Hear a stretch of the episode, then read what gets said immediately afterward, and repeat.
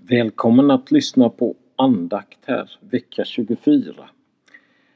Och det bibelordet som jag vill läsa idag är från Johannes 1 och 12. Det är ju ett verkligen känt bibelord. Men åt alla dem som tog emot honom gav han rätt att bli Guds barn. Amen. Jag läste en berättelse om att kejsar Napoleon red i en parad. Och då blev hans häst skrämd och råkade i sken.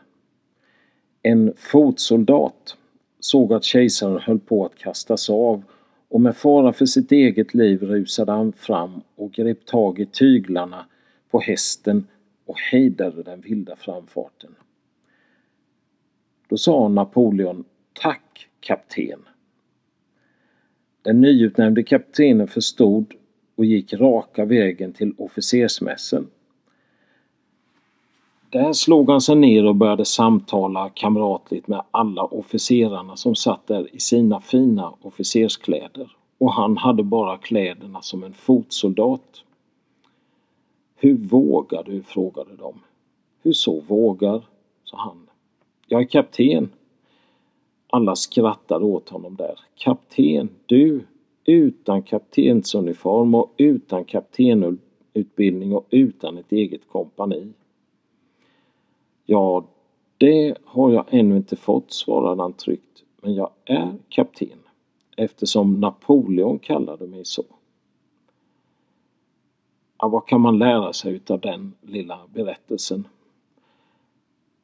Jo, att inget Guds barn behöver vara oroligt över att han inte uppför sig som de där fina eller som ett helgon.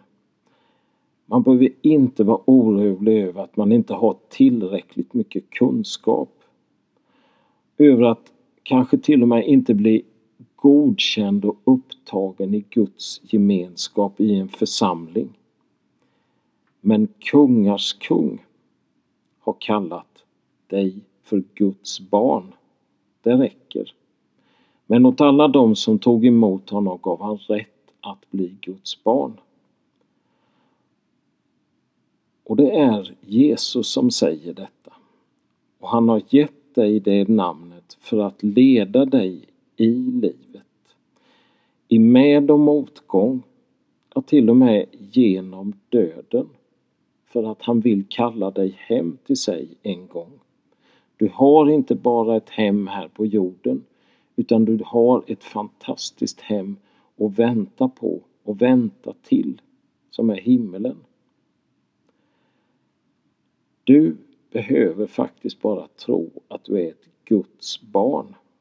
Det övriga, ja det övriga det kommer helt av sig själv. Men åt alla de som tog emot honom gav han rätt att bli Guds barn. Tack Jesus för att vi får vara dina barn och vi får växa tillsammans in i att vara ett Guds barn. Tack för att du har kallat oss Jesus och den kallelsen den håller alltid. Amen.